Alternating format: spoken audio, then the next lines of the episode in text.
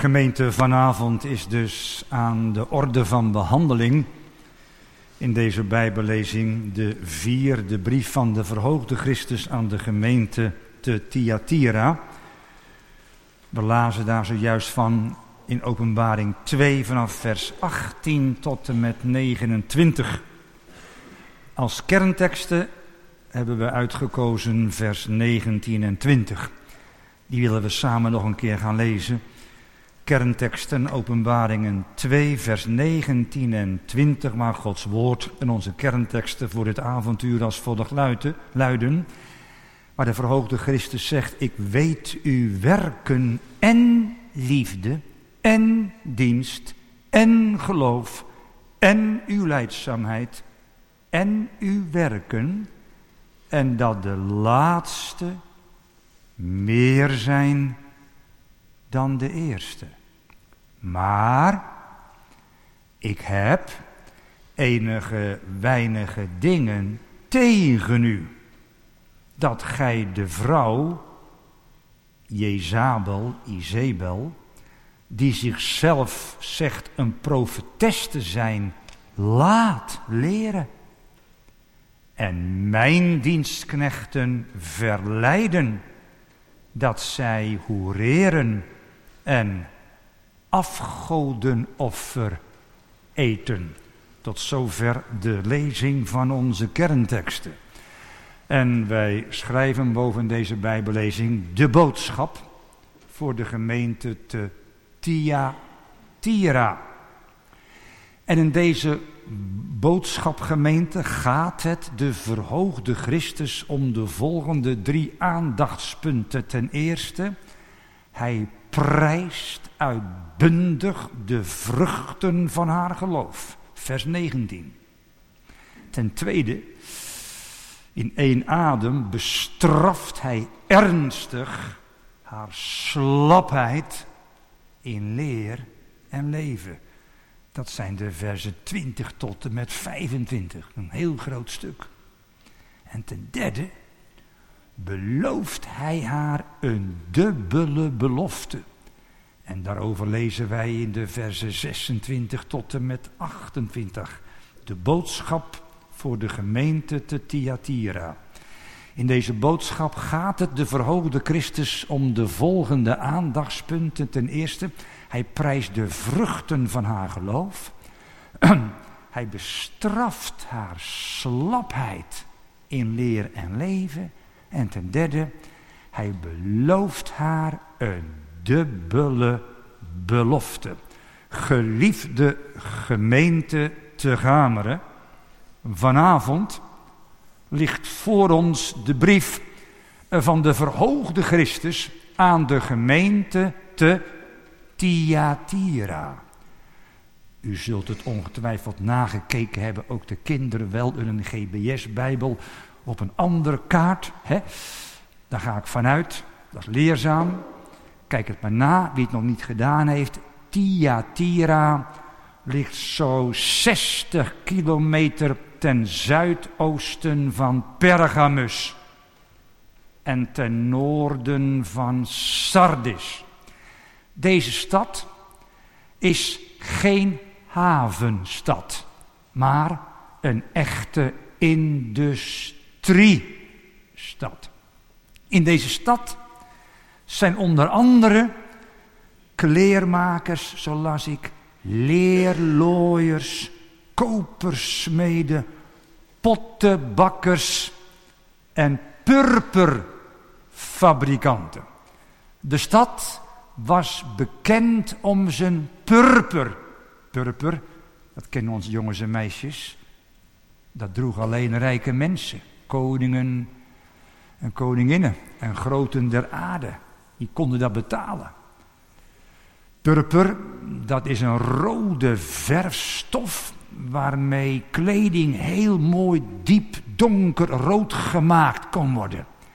En dit mooie product werd ook wel genoemd Turks rood. Waarom zeg ik dat? Het is geen aardrijkskundeles, maar prediking van het woord. En toch is het heel belangrijk voor het goed verstaan van heel deze brief. hoop dat u daarachter mag komen aan het einde van de Bijbellezing. Al die verschillende handwerkers, waren nog veel meer, die waren verenigd, wij zouden zeggen, in vakbonden of gilden. En zo'n vakbond of gilde stond onder de bescherming van de een of andere afgod. En zo las ik bij meerdere iemand die in Thyatira een bepaald beroep wilde uitoefenen, ja, die moest eigenlijk toch wel lid zijn van zo'n vakbond, van zo'n desbetreffende gilde. En op zichzelf is daar natuurlijk niks mis mee. In de middeleeuwen hadden we ook het gildewezen. dat geeft op zichzelf niks, nou komt het. Maar dat betekende ook in die dagen dat men verplicht was om aan de heidense feesten van zo'n Romeins-Griekse afgod volop mee te doen. Met allerlei gevolgen van dien. Offermaaltijden, die aan de afgoden gewijd waren. Dat ging met muziek en met drank, niks nieuws onder de zon. Ook met prostitutie, dat was gewoon in die dagen uitbundigheid. En u voelt het, een christen, een echte, ja, die kon hier absoluut niet aan meedoen. Je kunt toch niet God dienen en liefhebben en tegelijkertijd met de wereld? Dat kan niet. Kies dan heden wie gedienen zult. Dat zou betekenen als je daar aan mee zou doen, dan zou je Christus, die dierbare bloedbruidegom, die blank en rood is, verlogenen. En dat kan toch een echte christen en christen niet. Maar dat betekent concreet dat je op een zijspoor kwam te staan. Hè?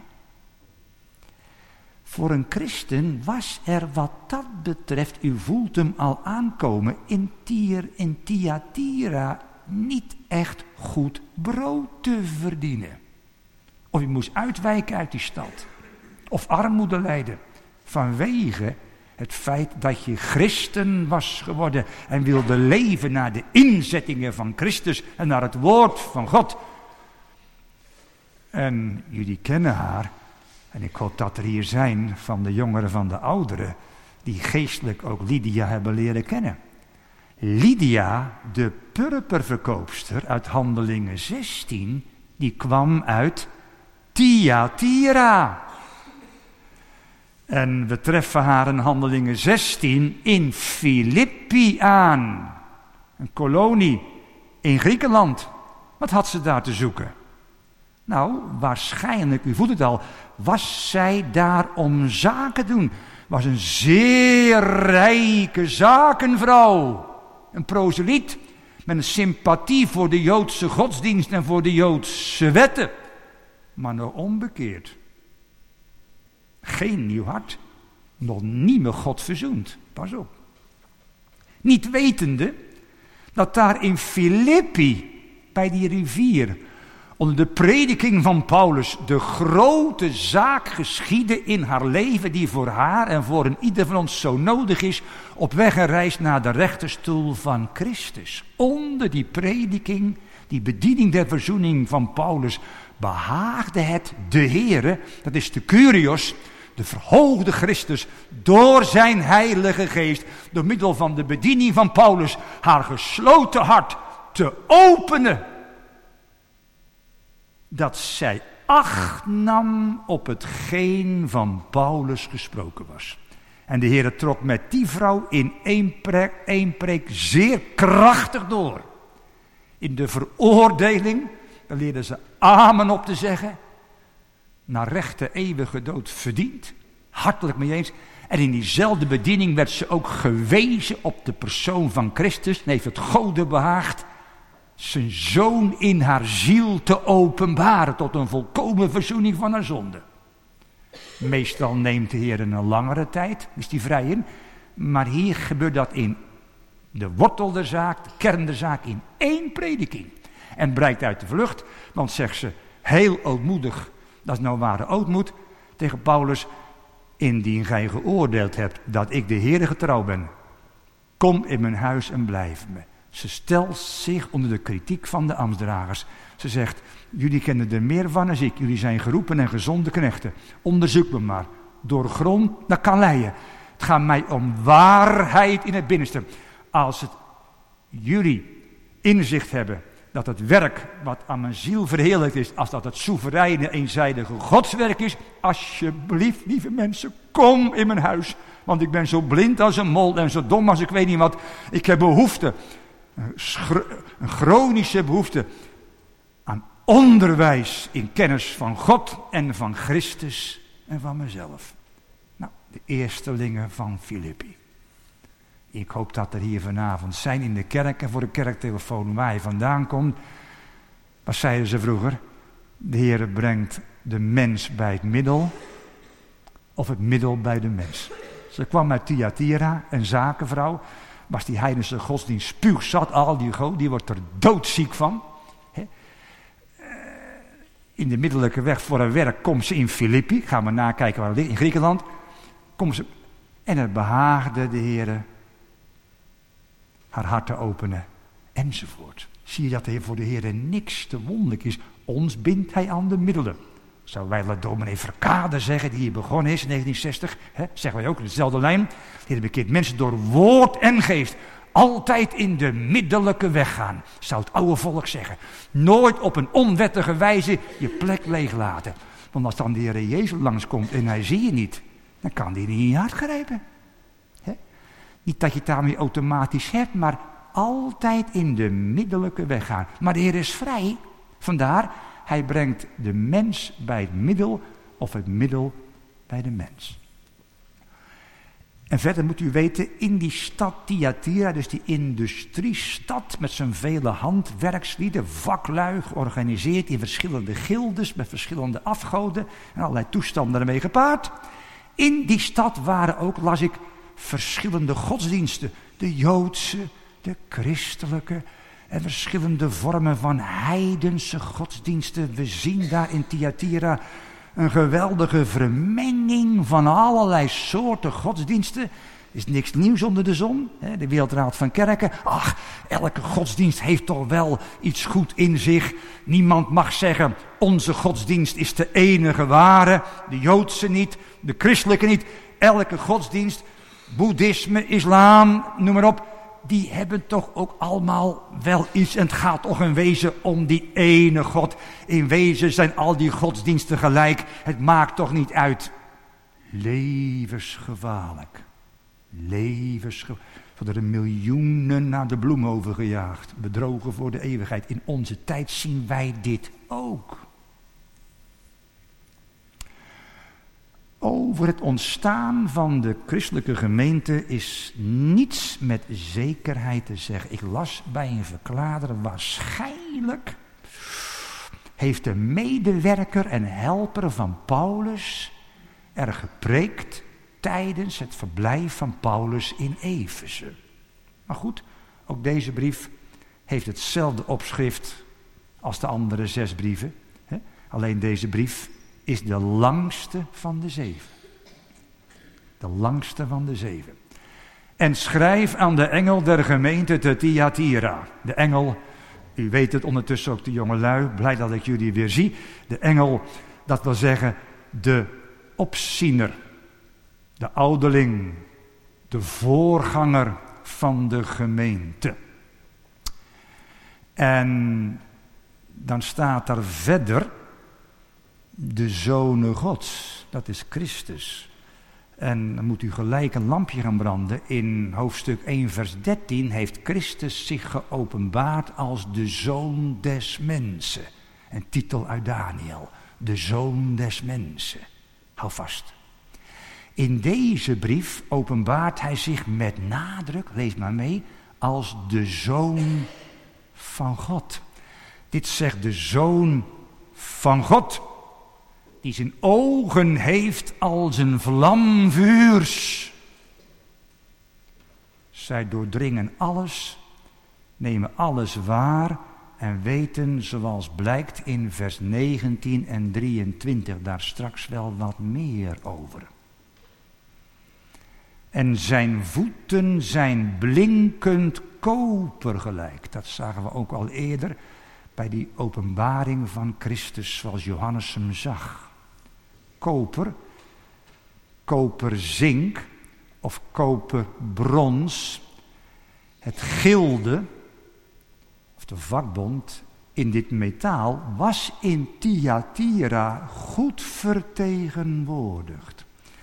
De alwetende Christus, die waarachtig God en waarachtig ergvaardig mens is, God de mens in één persoon, openbaart zich hier tegelijkertijd gemeente, let erop, als de rechter die door zijn gloeiende voeten al het onzuivere verbrandt en vertreedt.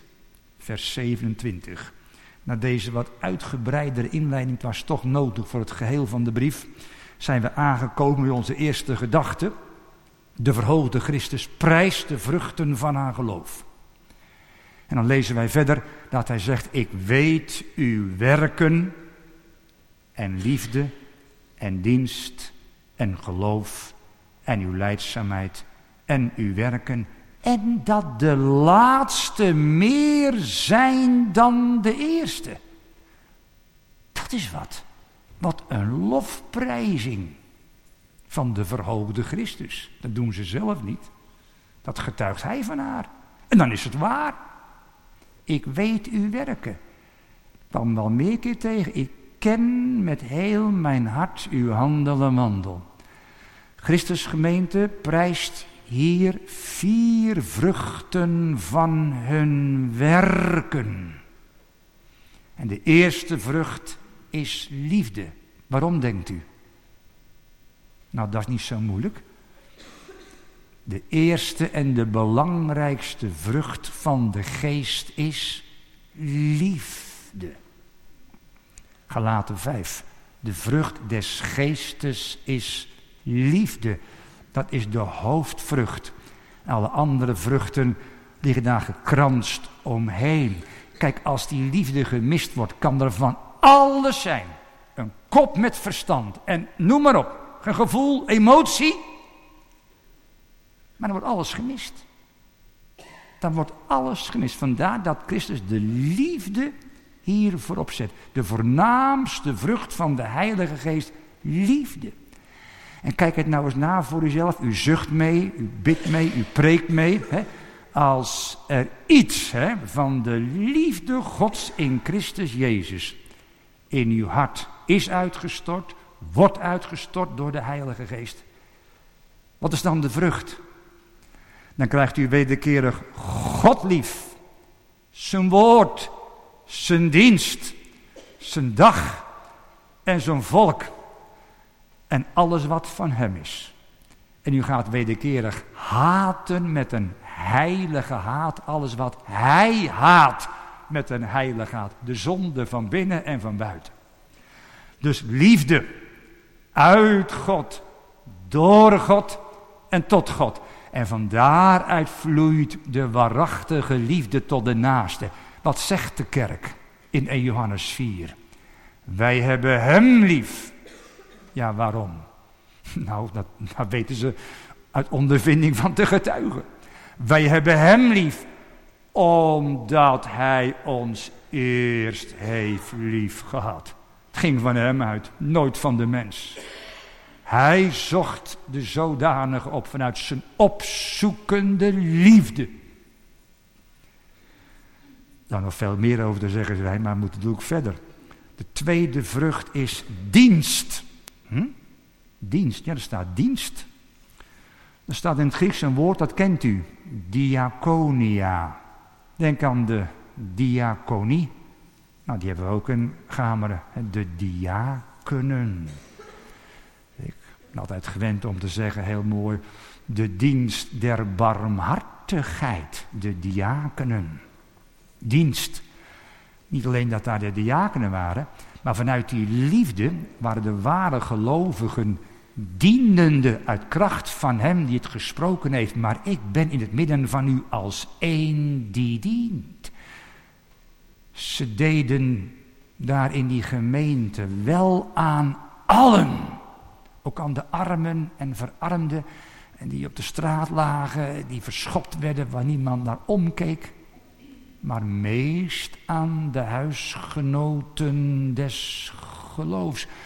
Dus zijdelings leer hij daar toch uit, eh, ondanks dat de christenen wat aan de zijlijn stonden, dan waren toch onder die gelovigen een aantal mensen, wij zouden zeggen bemiddelde mensen, onder andere Lydia, die wat uit te delen hadden.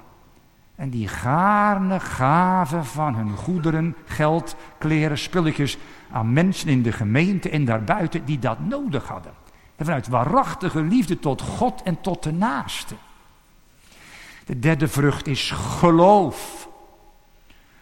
Tuurlijk, geloof is hier altijd waarzaligmakend geloof als gave van de Heilige Geest. Hadden ze ontvangen. Hier ziet geloof vooral op de oefeningen des geloofs. Want u weet het, het ware geloof is immers altijd door de liefde werkende als een heilige vanzelfsheid. Niet om wat te verdienen. De schijnheiligen en de bijna christenen, die moeten het hebben van een zogenaamde goede werken. Zitten maar te plussen en te willen. Die hebben dit gedaan en die hebben dat gedaan. En die denken dat ze op grond daarvan straks toegelaten worden. En dan zal de verhoogde gisteren zeggen, ga weg van mij, ik heb je nooit gekend.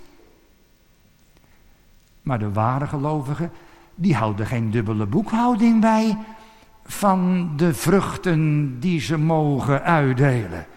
Die komen altijd in de liefde, komt altijd mijn schuld uit. Die zeggen maar wanneer? Nou, voor zover u dit aan een van mijn minste broeders en zusters gedaan hebt, zo hebt ge dit aan mij gedaan. He? Onthoud en kijk het na. Geloof zonder vrucht is geen waarzaligmakend geloof. Hooguit een historieel geloof. Hooguit een tijdgeloof. Maar geen waarzaligmakend geloof omdat het mist de geloofsvereniging met Christus door de Heilige Geest. Een doodgeloof. Een doodgeloof. Hoe ligt dat bij ons? De vierde vrucht is leidzaamheid. U kent de tekst. Misschien heeft de Heer wel eens in je hart gesproken. Gij hebt leidzaamheid van nodig. Ja, om dat nou te beoefenen, dat gaat tegen een hele mens in. Maar als God het geeft, ligt er toch een zekere rust in. Gij hebt leidzaamheid van nodig. Dat is volgzaamheid. Geduld. Ophouden met vechten. Om, om het over te geven aan dien die rechtvaardiglijk oordeelt. Daar ligt zo'n gemak in als God het geeft in de bediening. Maar als dat er niet is, oh, dan kan een kind van God ondeugend zijn hoor dan staan ze te trappelen. Want zijn niet van die lievertjes hoor. Leidzaamheid, volgzaamheid, geduld in het lijden. Ook als het een vlees kruisigende wegen gaat.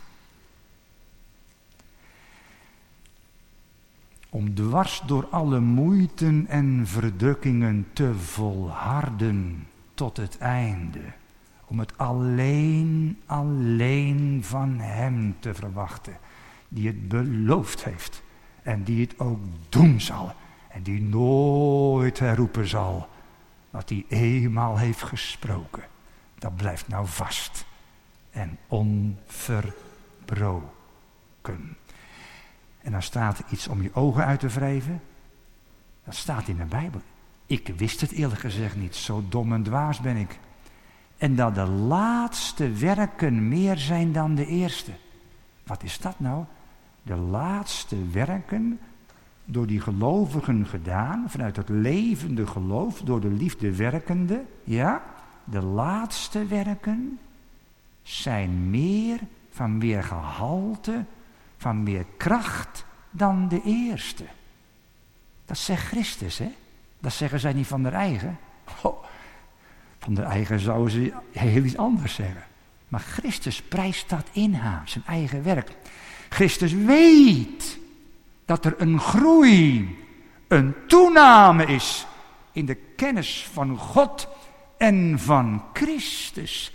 En van daaruit in het doen van goede werken die hij voorbereid heeft, opdat de zijnen daarin zouden mogen ademen, zouden mogen leven en zouden mogen wandelen en daarvan uitdelers mogen zijn. Geef het om niet ontvangen, geef het om niet. De gemeente van Eversen, weet u het nog van de vorige keer?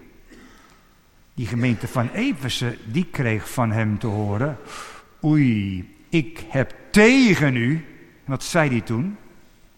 Dat gij uw eerste liefde hebt verlaten. Weet je het nog?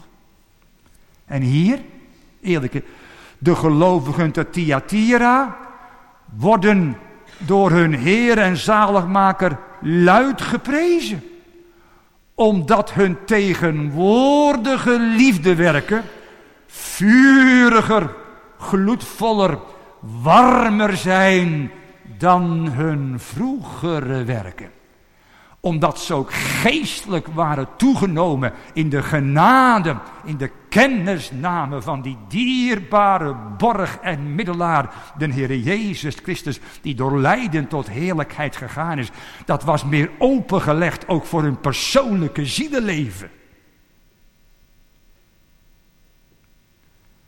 Je zou zeggen, nou, wat een rijke gemeente is dat. Om jaloers op te worden. Waar vind je dat onder ons nog?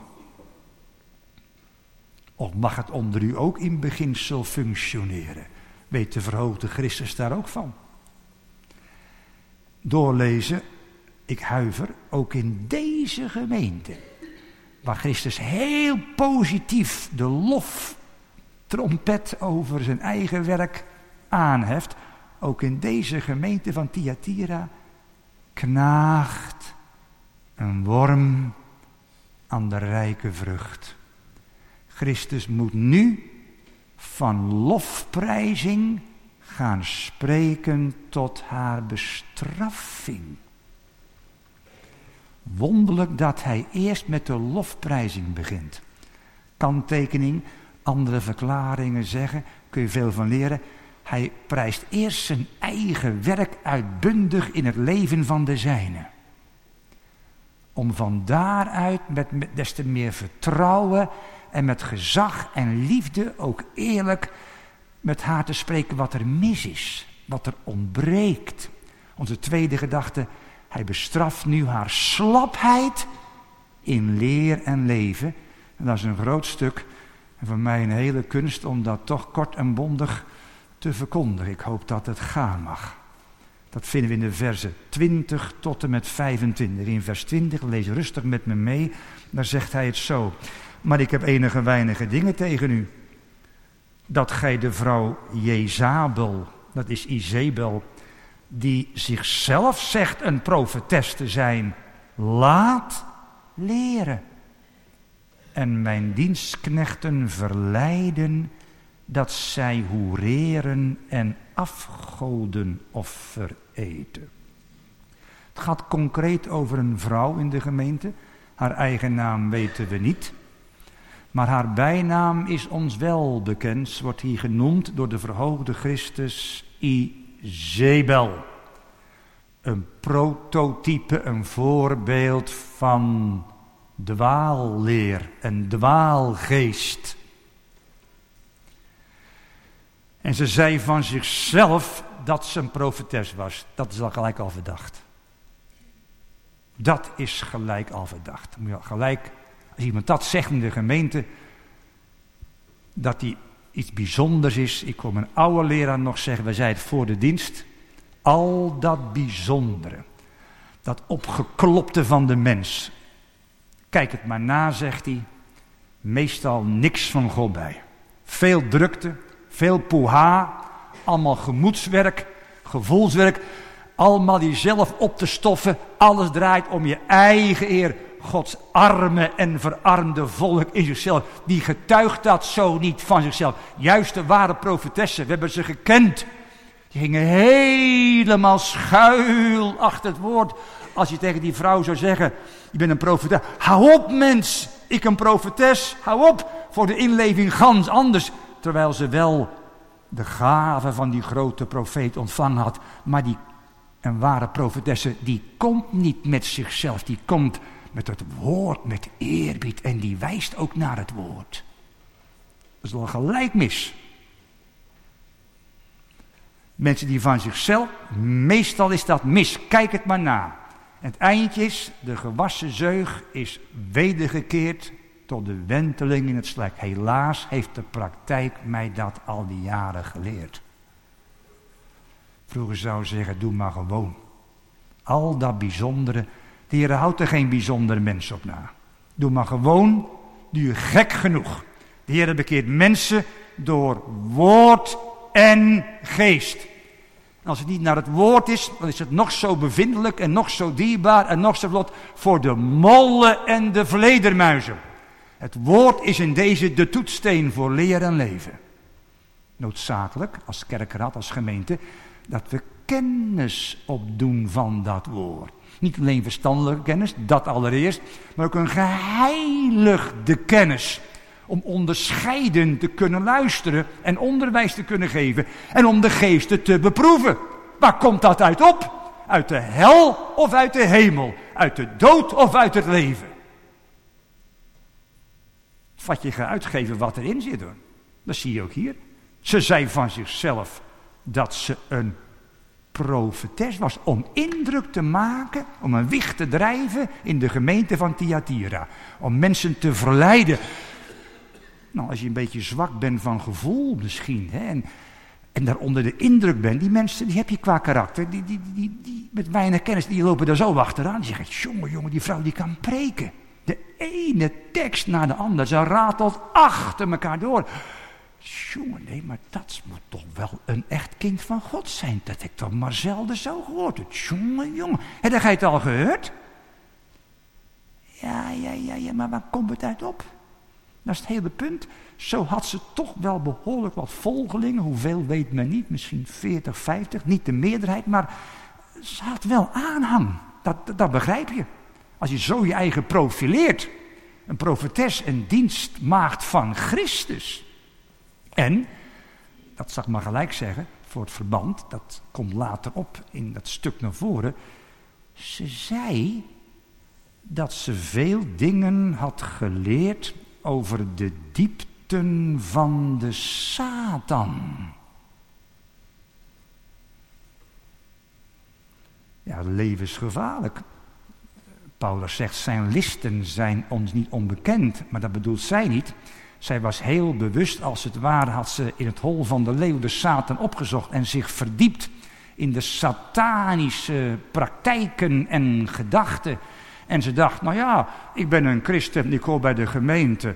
En uh, dat kan mij geen kwaad doen. Ik, ik, ik, ik ga daar gewoon uh, mij mee inlaten. En uh, ik kan hem toch wel overwinnen, want hij is een overwonnen vijand. En zo ben ik toch immuun voor hem. En zo, om me zo te vereenzelvigen met die Satan, wat hij denkt en wat hij uitbroedt en uitspookt. Uh, nou, dan kan ik hem wel een kopje kleiner maken. Een gigantische overschatting van zichzelf staat haaks op Gods woord. Het gaat hier opnieuw, wat we eerder zagen, over de leer van de Nicolaïten. Even kort samenvatten. Hebben we eerder gehoord, deze Nicolaïten, waar zij ook een, ja, een zijtak van is, om het zo eens te zeggen. Die leren eigenlijk een christen die mag rustig in de afgodstempels gaan zitten. Die mag eh, maaltijden gebruiken aan de afgoden geofferd. Die mag meerdere vrouwen hebben. Eh, dus die mag met meerdere vrouwen geslachtsgemeenschap hebben. dat is heilige, godsdienstige prostitutie. Eh, die, die, die kan in wezen op een wereldse wijze gewoon leven. En daar zit achter een valse scheiding tussen lichaam en ziel. Het lichaam wordt sterk ondergewaardeerd. Dat doet er in wezen niet toe. Het gaat om die ziel die hier opgesloten zit in de kerker. En straks denken ze, die ziel die mag, als die verlost wordt, die vloeit terug naar het goddelijke, een mystieke eenwording. En ja, ja, ja, maar het klinkt geweldig bevindelijk. Maar het is dopers, het is puur vleeselijk. Want het lichaam is geen bijproduct. Het lichaam is niet voor de hoererij. Het lichaam is een tempel van de Heilige Geest. Dat is een gans andere visie vanuit het christelijke geloof dan deze secte van de Nicolaïten. onder, de, onder de mom van de geest. Ja, ja, ja, ja. Ondertussen, ze dienen zichzelf en het vlees. En wie naar het vlees leeft, die zal sterven. In Efeze werd deze zielsmisleidende, verwoestende leer van de Nicolaïten gehaat. Christus zelf hebben gehoord, die haat deze duivelse leer ook met de volle liefde van zijn hart. In Pergamus, zagen we maand geleden, 11 december, werd toegestaan, oogluikend, dat men deze leer aanhing. Weet u het nog? En nu als klap op de vuurpijl, in Thyatira nota bene waren er uit de gemeente die deze leer in de praktijk brachten. Nog een stap verder. Dus we zien hier helaas een duidelijke opklimming in die gemeenten. Het gaat hier inderdaad in die gemeenten van kwaad tot erger. En de bedoeling is, moet je vasthouden, die brieven zijn persoonlijk gericht aan alle die gemeenten apart. Maar tegelijkertijd moesten alle zevende gemeenten die verschillende brieven ook lezen. Men las de brief van elkaar, dat ze grondig daarin onderwezen en vermaand zouden worden.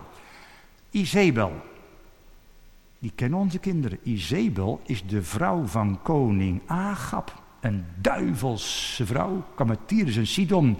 Zij verleidde het tienstammenrijk met de invoering van de Baal-godsdienst. Geestelijke hoererijen, maar ook lichamelijke vruchtbaarheidsprostitutie. Een Agap was slap, liet zich meenemen om de tuin leiden.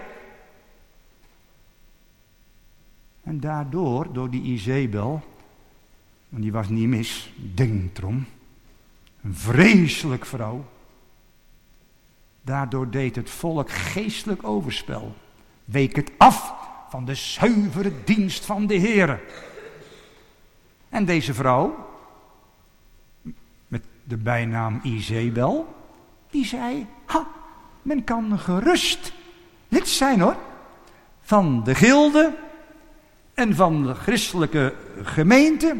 Je moet daar gewoon in meedoen. Een afgod is in wezen ook niks. Doe niet zo moeilijk, mens. Uh, vlees is vlees en eten is eten. En nou ja, al ga je uit je dak en, dan leef je lekker uit. Dat, dat is maar het lichaam, dat, geeft helemaal niks. Je kan evengoed gewoon een kind van God zijn. Hè?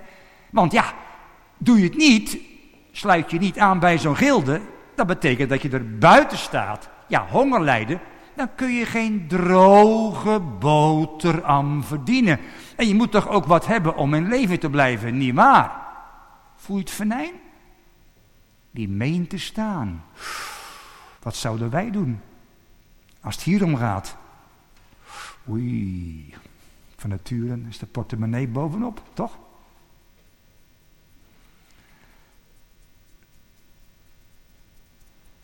Daarom stimuleerde deze duivelse vrouw de gelovigen om overal aan mee te doen, om zo de diepten van Satan goed te leren kennen. Ik zei al met de bedoeling op deze wijze Satan van binnenuit te overwinnen. Ja, ja. En dit geschiedde allemaal mag ik een beetje plat zeggen, onder het mom van de godsdienst. Dat is onder het mom van een godsdienstige, gevoelige, bevindelijke dekmantel. Dat was puur vlees, puur duivels. En de verhoogde Christus, die proeft dat tot op het bot, tot op het fundament, die waarschuwt met brandende liefde ernstig de gemeente van Thyatira, plus die andere zes gemeenten. tegen deze zielsverwoestende leer. Want de bittere vrucht van deze dwaalleer is hoererij, zei ik al, geestelijke hoererij, door de afgoden te dienen, te bewieroken. En ook lichamelijke hoererij, dat hoorde er ook bij, losbandigheid en wereldgelijkvormigheid. Dan lees ik in vers 21 dat Christus zegt, en ik heb haar tijd gegeven, opdat zij zich zou bekeren van haar hoererij. En ze heeft zich niet bekeerd. Is dat geen wonder? Wie durft nou nog te zeggen dat Christus geen liefde heeft tot een onbekeerd mens? Zul je het nooit meer denken en zeggen? Ik heb haar tijd gegeven, dat is genadetijd, opdat ze zich zou bekeren. De mogelijkheid tot inkeer, tot afkeer en tot wederkeer heeft hij haar gegeven, opdat ze werkelijk van een kind des duivels tot een kind van God zou gemaakt worden. Door de werkelijke afwassing van haar zonden. Door het bloed van Christus. En door de vernieuwing van de Heilige Geest. Dat ze werkelijk in geestelijke zin een profetesse. Net als Anna zou worden. Die goed en groot spreekt van de Heer en van zijn woord. En slecht van de mens en van de duivel en van de zonde. Hier leren we uit dat de Heer waarlijk geen lust heeft in de dood van de goddeloze. Maar daarin dat hij zich tot hem bekeren en leven. En niemand is te ver weggezakt in de modder, in de praktijken van de duivel. Of God in Christus is machtig en gewillig om de zulke daaruit te trekken. Met koorden van eeuwige liefde. Uit de macht van de vorst der duisternis om de zulke over te zetten in het koninkrijk van de zoon van zijn eeuwige liefde. Heb maar grote gedachten van hem, voor jezelf en voor je nageslacht en kleine van jezelf. En dan staat er, de proef je als het ware iets van de droefheid van Christus. En zij heeft zich niet bekeerd tegen beter weten in is dat vrouwke doorgegaan op deze brede weg die leidt naar de eeuwige rampzaligheid. Het is wat. De weg geweten niet bewandeld, menen in te gaan en straks worden ga weg van mij, gij werker en werkster der ongerechtigheid. Hoe menigmaal heb ik je bijeen willen vergaderen, gelijk een kloek en haar kuikens maar gij hebt niet gewild. Nou, een eeuwig Gods gunst en gemeenschap te moeten missen, kun je niet voorstellen wat dat is. Maar dat is wel de consequentie. Dat is de ernst van het evangelie voor u, jou en voor mij. En dan gaat de Heer door. Zie, zegt hij, let goed op. U de genadetijd haar gegeven is en niet benut, dan komt ook een eind aan mijn geduld. Zie, ik werp haar te bed. En die met haar overspel bedrijven in grote verdrukking, zo zij zich niet bekeren van hun werken. Ik werp haar te bed. Beeldspraak, hè? Ik zal haar ernstig ziek maken. Waarschijnlijk de ziekte van pest, maar goed, de is hier vrij. Ik zal haar ernstig ziek maken en van haar bed een doodsbed maken. En dan moet je de parallel voor jezelf even naar voren halen uit het Oude Testament. Zo heeft de Heer ook op een gruwelijke aangrijpende wijze, u weet dat wel, door middel van Jehu een einde gemaakt aan het leven van koningin Izebel. Als mijn vader dat las aan tafel, nou dan zat ik toch te huiven. Oh God, wat zal het toch zijn om onbekeerd te moeten verzorgen. Geblanket, komt hij aan, Jehu, hij dreigde onzinnig. Staan een paar knechten. En dan gooien ze haar naar beneden. En ruig dat hij is, dat had zo niet gemogen, maar goed, ruig. Hij gaat met de wagen eroverheen, hij vermorzelt haar. En Jehu gaat dan eerst eens rust lekker een maaltijd zitten gebruiken. Heb honger. En zegt hij, dat is waar ook. We moeten haar nog wel begraven. Want het is een duivelin, maar het is wel een koningsdochter. En dan gaan ze naar buiten en dan, dan zien ze niks meer. Alleen een paar botjes. De honden, Elia, de honden hebben Izebel opgegeten. Daar moet je aan denken. Daar verwijst de verhoogde Christus naar op een beeldende, parallelle spraak. En die met haar overspel bedrijven, u begrijpt, daarmee bedoelt Christus haar volgelingen, die zich hebben laten meezuigen, die dat spoor meegegaan zijn, die daar een welbehagen hebben, die zich aan dezelfde zonde schuldig hebben gemaakt, die krijgen grote verdrukking. Dat betekent, ik zal hun plagen. Met ernstige, diepe, grote, zware plagen. Met veel ellende en veel pijn. Zo zij zich niet bekeren van hun werken. Ook voor deze volgelingen is er de mogelijkheid van Christus wegen om terug te keren, keert weder tot mij en ik zal tot u wederkeren. Wat een genade. Zo zij zich niet bekeren van hun werken. En dan lezen we vers 23. En haar kinderen zal ik door de dood ombrengen. Ontzaglijk. En al de gemeenten zullen weten dat ik het ben die nieren en harten onderzoek. En ik zal uw lieden geven een iegelijk naar uw werken. Ook hier in gemeente hoort u het horen wij een zinspeling op de kinderen, de natuurlijke kinderen van koning Agab, zijn nageslacht en Izebel, die op een ontzaglijke wijze, je kunt dat lezen in het koningenboek, door Jehu werden omgebracht. Al wat mannelijk was, al wat van Agab aan de wand watert, al wat mannelijk was, heeft Jehu met een blinde Jehu's ijver, maar weliswaar Gods gebod uitgevoerd. Jammer dat daar geen liefde in het hart bij de Jehu gekomen is. En, en, en, en dat het de vrees is dat hij ook onbekeerd gestorven is, maar in het algemene, omdat hij dat gedaan heeft, de ijver des Heren, eh, mocht uit zijn geslacht vier koningen voortkomen. Niet meer. Nou, met deze kinderen Sommige verkladers zeggen dat het natuurlijke kinderen geweest zijn. Ja, wie ben ik om dat te betwisten? Ik heb er geen behoefte aan. Het gaat om de zaak. Ik denk het in principe niet. Deze kinderen, denk ik, daarmee worden ook bedoeld leerlingen van deze profetes. Hè, met onderscheid met de volgelingen. Oké, maar hier ook, zijn het ook de leerlingen van deze profetes.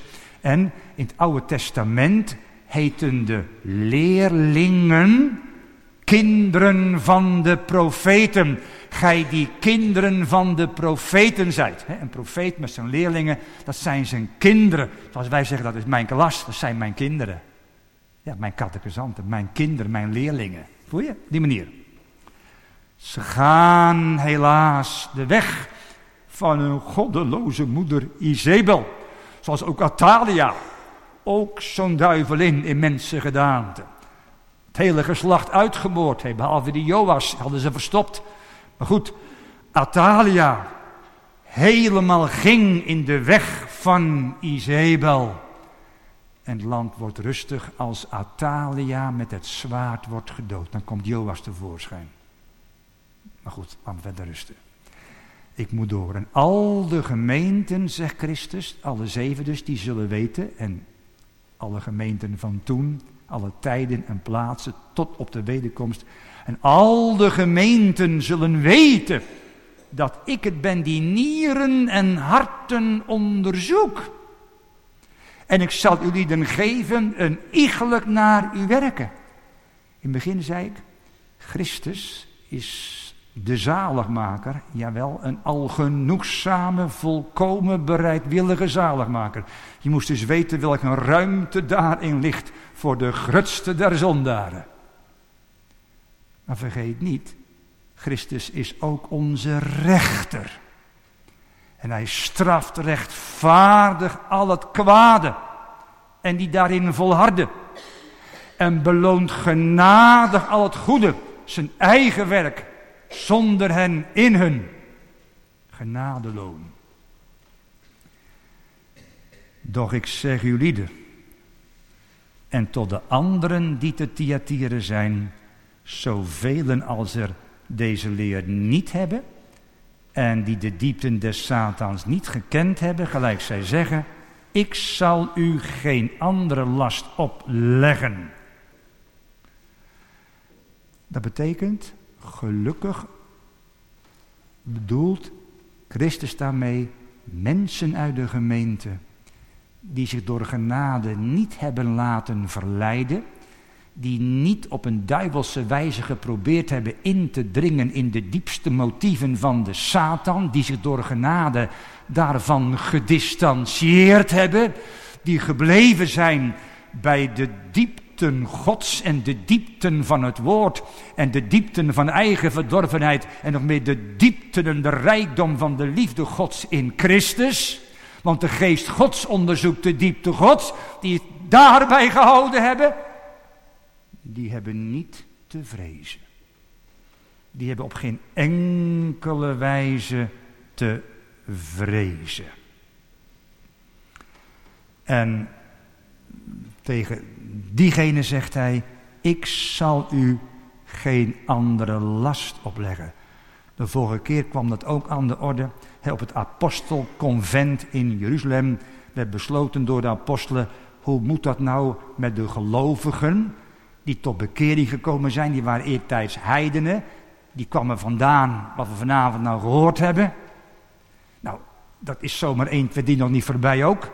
Lees de brief van Paulus wat moeten die mensen nou? Geen ceremonieel juk opleggen van raak niet en smaak niet en roe niet aan. Die hoeven niet te leven volgens de Joodse ceremoniële spijswetten. De leiding van de Heilige Geest hebben ze krachtig ervaren op het apostelconvent in Jeruzalem. Dat we besloten dat de gelovigen uit de heidenen zich zullen onthouden, daar komt het, van datgene dat aan de afgoden geofferd is. Hou je daar ver van. En van hoererij. Geestelijke hoererij, maar ook lichamelijke hoererij. Eén man met één vrouw. En niet één man met vier vrouwen, omgekeerd. Nee, dat kan niet. Dat kan niet. Dat is duidelijk. En dan lezen we vers 25. Maar hetgeen gij hebt, hou dat totdat ik zal komen. Hetgeen gij hebt, heel lief, hetgeen gij ontvangen hebt. Nou, dat zijn die vruchten des geloofs, die genade en die vruchten, dat dienstbetoon en die meerdere goede, werken. Dat is gave gods, dat is geen prestatie uit het werkverbond, dat zijn vruchten van het genadebond van Christus. Hetgeen gij hebt ontvangen. Dat zijn de werken van vers 19. Hij wil zeggen, ga daarin door.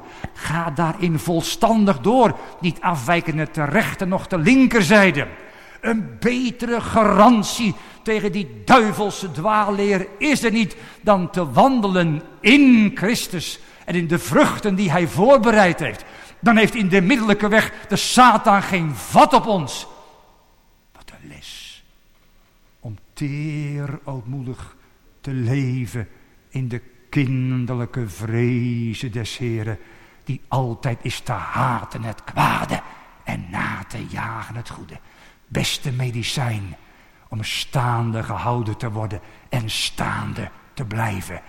Christus zegt, o mijn kinderen, ga daar volstandig mee door hoor, totdat ik wederkom op de wolken des hemels en u tot mij zal nemen in eeuwige heerlijkheid.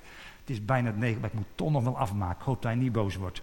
Onze derde gedachte, ik zal proberen, proberen kort te houden, maar het valt mij niet mee, dat weet u. Hij belooft haar een dubbele belofte.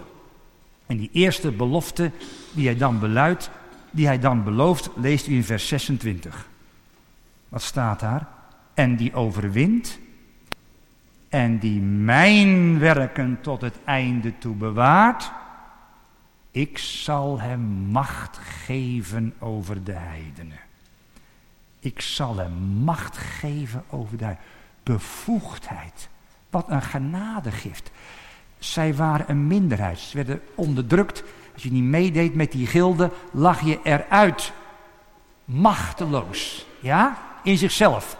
Maar Christus, die geeft ze macht, bevoegdheid als koningen om met hem te, heer, met hem te heersen over de heidenen. Oh, wat een weldaad. Wat een uitnemende weldaad.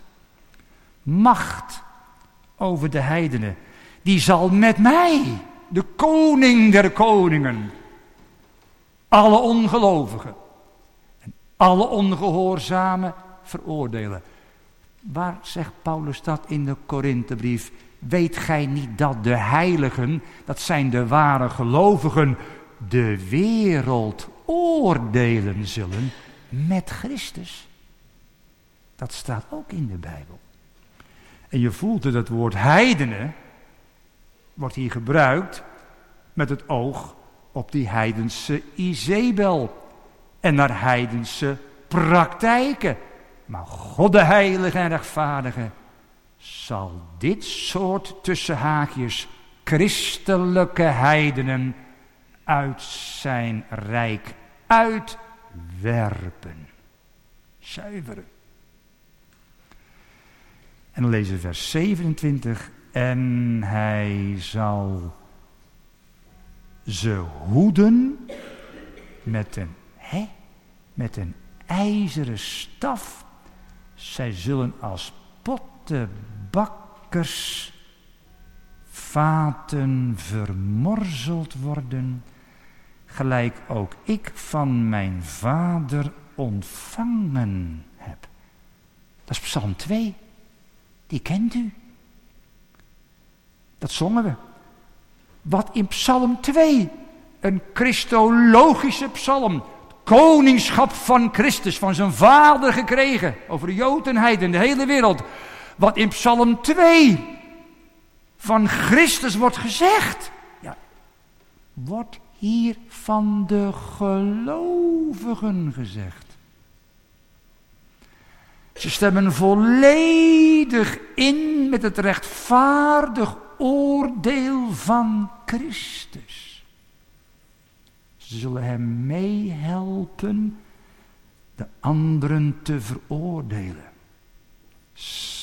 Omdat het zijn vijanden zijn. Ontzaglijke zaak. De tweede belofte luidt, vers 28. En ik zal hem de morgenster geven. De morgenster. Wat is de morgenster? U kent hem wel.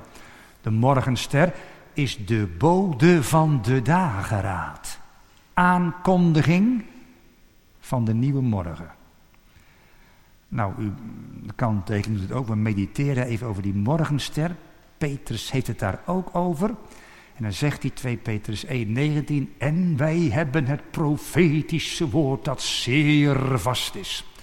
En gij doet wel dat ge daarop acht hebt, als op een licht schijnend in een duistere plaats, totdat de dag aanlichte en de morgenster opga in uw harten.